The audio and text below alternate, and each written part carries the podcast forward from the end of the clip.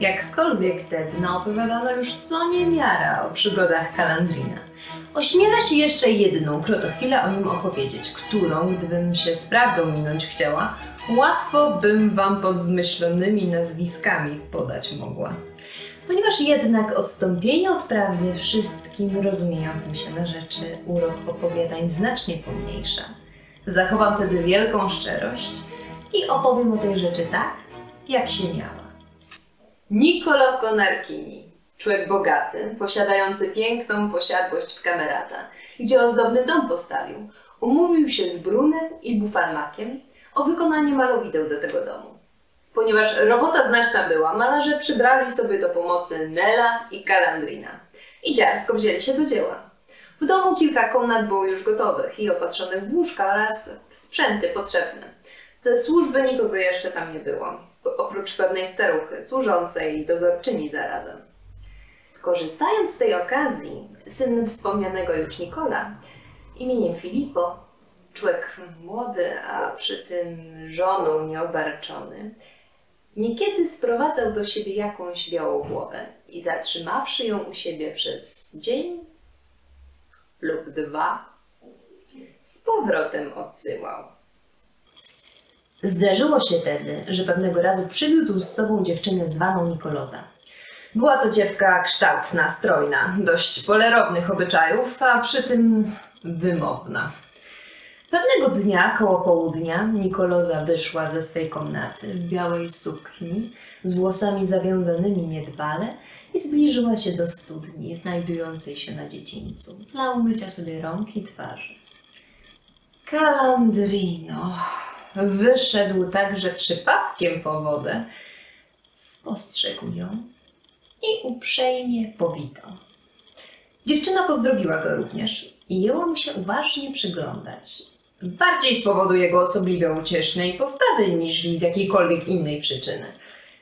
Calandrino przyglądał się jej takoż, a znalazłszy ją piękną, stał na miejscu jak wryty, nie spiesząc bynajmniej z wodą do towarzyszy. Dziewczyna, spostrzegłszy jego zachwycony wyraz oblicza, dla zadrwienia sobie z niego, rzuciła mu kilka zalotnych spojrzeń i kilka razy westchnęła. Następstwem tego było, że Calandrino w mgnieniu oka się w niej zadłużył i nie odszedł z dziedzińca, póki Nikoloza, przywołana przez Filipa, nie oddaliła się do swej komnaty. Wówczas i on powrócił do pracy, ale opamiętać się już nie mógł i wciąż wzdychał. Bruno, nie spuszczający go nigdy z oka, łaknął bowiem zabawę zawsze jego kosztem. Wkrótce ten osobliwy stan jego spostrzegł i zawołał. Co ci się u diabła stało, towarzyszu Calandrino? Chuchasz, dmuchasz i wzdychasz ustawicznie.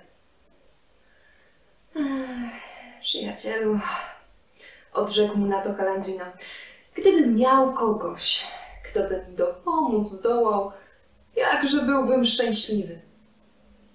A do czego ci ta pomoc potrzebna? Ech, westchnął raz jeszcze Calandrino. Powiem ci, ale nie wyjawiaj tego, broń Boże. Otóż wiedz, że w tym domu przebywa dziewczyna piękniejsza niż wszystkie czarodziejki razem wzięte, a tak we mnie rozmiłowana. To źle, zawołał Bruno. Proś Boga, aby to nie była żona Filipa. Wiesz, wydaje mi się, że tak jest w rzeczy samej, odparł Calandrino, bo przywołał ją, a ona weszła do jego komnaty. Zaliż jednak może być to przeszkodą? Gdy o sprawy miłości chodzi, gotów jestem drwić sobie z samego Pana Jezusa, cóż dopiero z Filipa. Calandrino, rzekł po chwili Bruno. Gotów jestem z przyjaźni do Ciebie dowiedzieć się, kto ona zaczy. Jeżeli jest istotnie żoną Filipa, to załatwimy sprawę bez próżnego gadania. Znam bowiem doskonale tę białogłowę. Bruno nie potrzebował się pytać, kto była ta dziewczyna. Widział bowiem, jak przychodziła i słyszał od samego Filipa bliższe o niej szczegóły.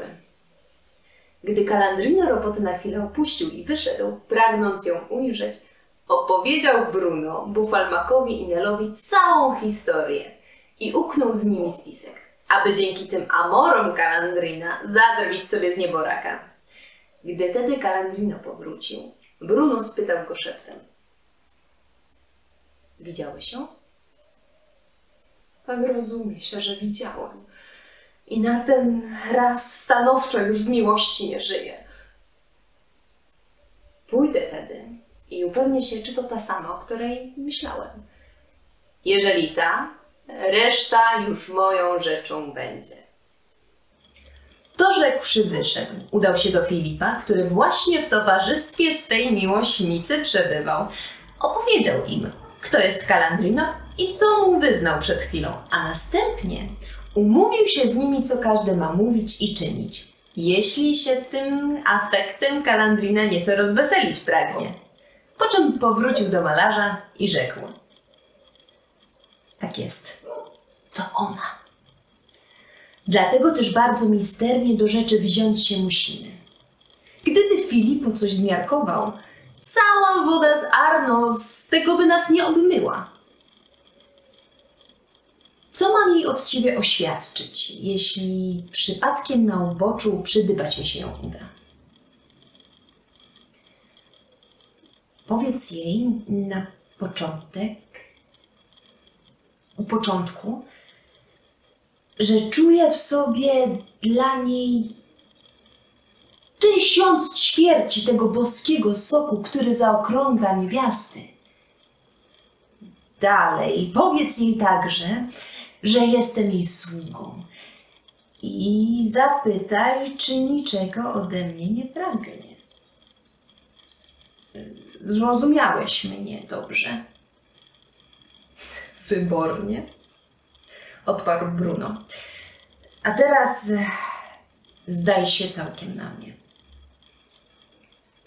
Gdy nadeszła godzina wieczerzy, malarze przerwali pracę i zeszedłszy na dziedziniec, gdzie Filipo z Nikolosą siedział, przystanęli obok nich, aby Kalandrinowi dogodzić.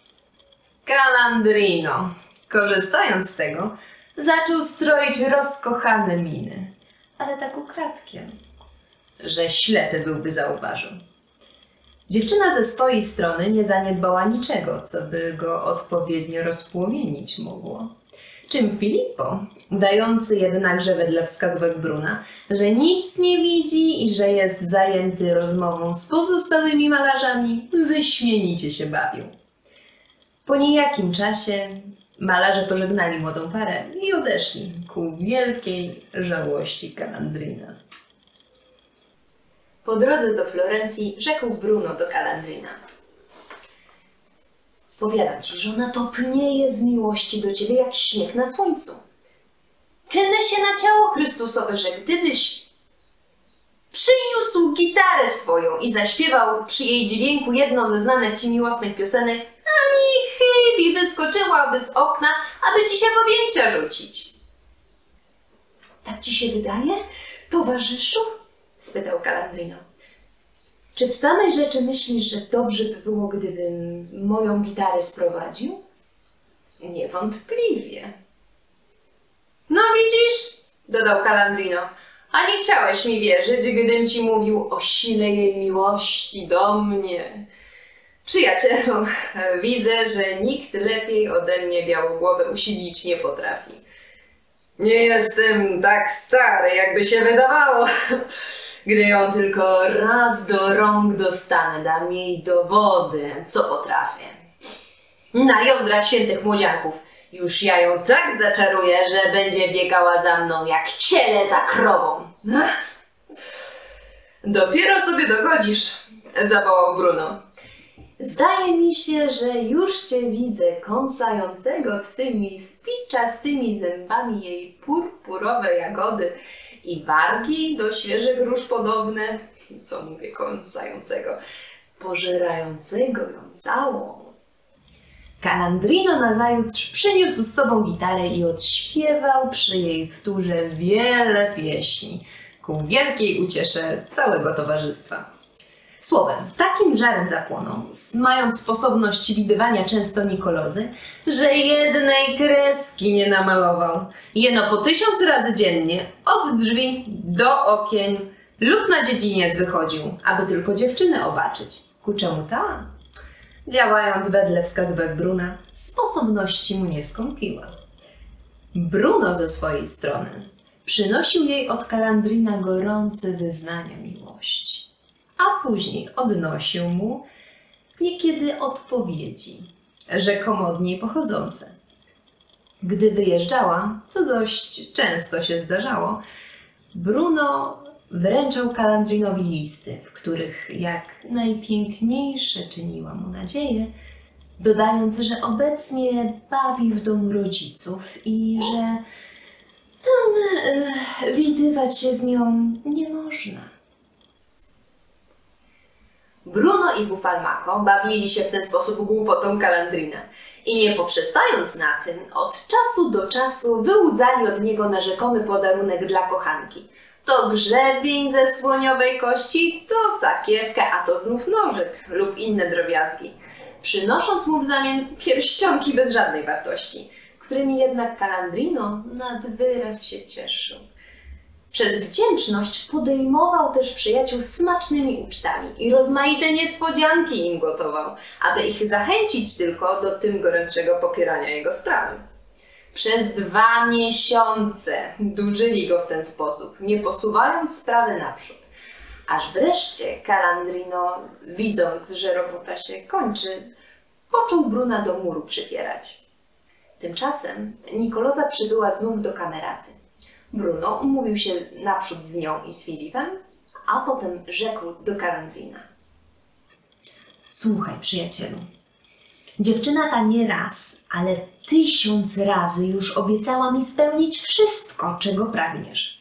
Mimo tych przyrzeczeń nic jednakoż nie uczyniła. I dlatego zdaje mi się, że cię zwodzi. Przyszło mi tedy na myśl, że za Twoją zgodą winniśmy ją zmusić do dotrzymania obietnicy wolą lub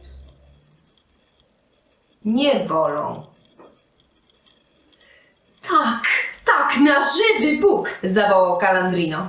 Tylko nie zwlekajmy ani chwili. Czy sądzisz, rzekł na to Bruno, że zdobędziesz się na dotknięcie jej talizmanem, który ci wręczę? A dlaczegoż by nie? odparł Calandrino. Postaraj się wtedy o kawałek nietkniętego pergaminu, o żywego nietoperza, trzy ziarna miry i poświęcaną gromicę, a resztę mnie pozostaw. Calandrino przez cały następny wieczór stał przed domem z różnymi siatkami, czatując na nietoperza. Gdy wreszcie pochwycić mu się go udało, przyniósł go wraz z innymi żądanymi przedmiotami Brunowi. Malarz zamknął się w swojej komnacie, wypisał na pergaminie rozmaite androny, nakreślił kilka liter, po czym wręczył pergamin Calandrinowi z tymi słowy. Wiedz, że skoro ją tylko dotkniesz tym pismem, pójdzie natychmiast za tobą i uczyni wszystko, czego tylko zechcesz. Gdy ty, Filipo, dzisiaj się oddali, zbliż się do niej pod jakimkolwiek pozorem. Dotknij ją tym talizmanem i ruszaj prosto tu, obok, do stodoły, której będziecie czuli się bezpiecznie. Nikt bowiem do niej tam nie zagląda. Przekonasz się, że pójdzie za tobą. Gdy już się znajdziecie razem, sam będziesz wiedział dobrze, co ci czynić wypada. Calandrino, usłyszawszy te słowa, uczuł się najszczęśliwszym człowiekiem w świecie. Schwycił pergamin i zawołał. Dziękuję ci serdecznie, przyjacielu. Reszta już do mnie należy. Nello, przed którym Calandrino chciał wszystko ukryć, wiedząc doskonale o całej tej sprawie, bawił się na równi z innymi i pomagał im wedle możności. Obecnie zatem na polecenie Bruna pospieszył tajnie do Florencji, do żony Calandrina i rzekł do niej. Nie zapomniałaś jeszcze zapewne, Tesso, jak cię sponiewierał Calandrino w owym dniu, gdy powrócił z Doliny Mujone. Otóż chcę ci dzisiaj dać sposobność do zemsty. Wiedz wtedy, że Calandrino w tej wiosce, gdzie pracujemy, zakochał się w pewnej błaźnicy, która jest na tyle głupia, że często się z nim w tajności schodzi. Właśnie niedawno umówili się na nowe spotkanie. Musisz wtedy wybrać się ze mną do kameraty i schwytawszy Kalandrinę na gorącym uczynku, przykładnie go ukarać. Żona Kalandrina, słysząc to, w srogi gniew popadła i zrywając się z miejsca, zawołała. Biada mi! A co hultaj! Takie to twoje sprawki niecnoto? A liści, poczekaj, łotrze, nie ujdzie ci to na sucho. Policzymy się od razu za wszystko. To rzekłszy, zarzuciła na się zwierzchnie szaty, przybrała sobie do towarzystwa jedną z sąsiadek i pobiegła za Nelem. Bruno, ujrzawszy ją z daleka nadchodzącą, rzekł do Filipa. Patrzaj, oto nasza pomocnica. Filipo, ani chwili nie zwlekając, pospieszył na miejsce, gdzie Calandrino pospół z innymi pracował i rzekł do nich. Pracujcie pilnie, mistrzowie mili. Ja muszę teraz y, pospieszyć do Florencji. Po czym pożegnawszy się z nimi, ukrył się w takim miejscu, skąd sam niewidziany mógł przypatrywać się do woli, co Calandrino czynić będzie. Calandrino mniemając, że Filipo już się oddalił, wyszedł na dziedziniec, gdzie spotkawszy Nikolozę, wdał się z nią w rozmowę. Chytra dziewczyna zbliżyła się do niego z większą niż zwykle uprzejmością. Calandrino dotknął ją talizmanem i natychmiast, nie mówiąc nic słowa, ruszył w stronę stodoły. Nikoloza poszła za nim. Gdy oboje wewnątrz się znaleźli, dziewczyna zamknęła drzwi, rzuciła się Kalandrinowi na szyję, przewróciła go na słomę, rozesłaną na ziemi i usiadłszy na nim wierzchem, przytrzymała mu ręce tak, aby się do niej zbliżyć nie mógł. Wreszcie zawołała. O mój najsłodszy Kalandrino! O, serce mojego serca, duszo moja, jedyne szczęście moje i kresie mych pragnień. Jakże długo pragnęłam Cię posiadać i tak jak teraz z całą swobodą trzymać Cię w objęciach. Uprzejmość Twoja w zachwyt mnie wprowadziła, a dźwięki Twojej lutni odurzyły moje serce. Prawdaż to, że Cię mam nareszcie? Kalandrino, nie mogąc się poruszyć, odparła. Prawda, moja duszo najsłodsza, ale daj mi się pocałować. Tak ci się spieszy? Spytała z tkliwym uśmiechem Nikoloza. Pozwól mi się pierwej na ciebie napatrzeć, pozwól. Niech oczy widokiem twojego drugiego oblicza nasycę. Tymczasem Bruno i Bufalmako znaleźli się obok Filipa w kryjówce, skąd wszystko widzieć i słyszeć mogli. Gdy wreszcie Calandrino już miał pocałować Nikolozę, zjawili się na dziedzińcu pani Tessa i Nelo. Ów, spojrzawszy ku stodole, rzekł Przysiągłbym na Boga, że znajdziemy ich teraz razem. I podążył ku stodole. A gdy u drzwi stanęli, pani Tessa, nie panując już nad sobą dłużej, pchnęła je tak mocno, że z zawiasów wypadły, po czym wpadła do środka i ujrzała Kalandrina z piękną Amazonką na sobie. Nikoloza, spostrzegłszy panią Tessę, zerwała się i ile tchu w piersiach do kryjówki Filipa umknęła. Jednakże Kalandrinowi nie udało się tak gładko wywinąć. Nim bowiem się poruszyć zdążył, już jego żona była przy nim. Rzuciwszy się nań, najpierw mu pazurami twarz rozorała, potem schwyciła go za włosy i czochrać go potężnie zaczęła, krzycząc Ty stary niedołężny psie! Także to sobie teraz ze mną poczynasz? Niech będzie przeklęta miłość, którą dla ciebie łotrzy żywiłam. Zali nie dosyć masz do czynienia w domu, że się gdzie indziej za miłostkami uganiasz? Mi miłośnik naschwał. Czy nie znasz siebie nędzniku? Nie znasz siebie niedołęgo? Przecie gdyby cię ktoś wyziął pod prasę, ani kropelki soku z całego ciebie by nie wycisnął. Przez tą hultajkę Musi to być niezłe lada co, skoro takiego klejnotu jak ty zapragnęła. Kalandryno ujrzawszy swoją żonę nie wiedział, czy żyw jest, czyli też umarły. I dlatego też najmniejszego oporu nie stawiał. Podrapany, z rozczochranymi włosami, wstał wreszcie, okrył się płaszczem i jął prosić pokornie żonę aby nie krzyczała tak głośno, jeżeli nie chce go widzieć w tej chwili posiekanego na ćwierci. Białogłowa bowiem, która przed nią uciekała, była żoną samego pana tych włości. A mnie co tam do tego? zawołała pani Tesa. Niechże ją wraz z tobą jasny piorun strzeli. Calandrino powrócił do Florencji. Biedny, niepocieszony i srodze na gębie podrapany. I nigdy już w tych miejscach pokazywać się nie ważył. Mimo iż wyrzekł się swych gorących afektów dla Nikolozy, przez długi czas, ni w dzień, ni w nocy, nie miał spokoju od gniewnej żony, którego nieustannymi wyrzutami prześladowała.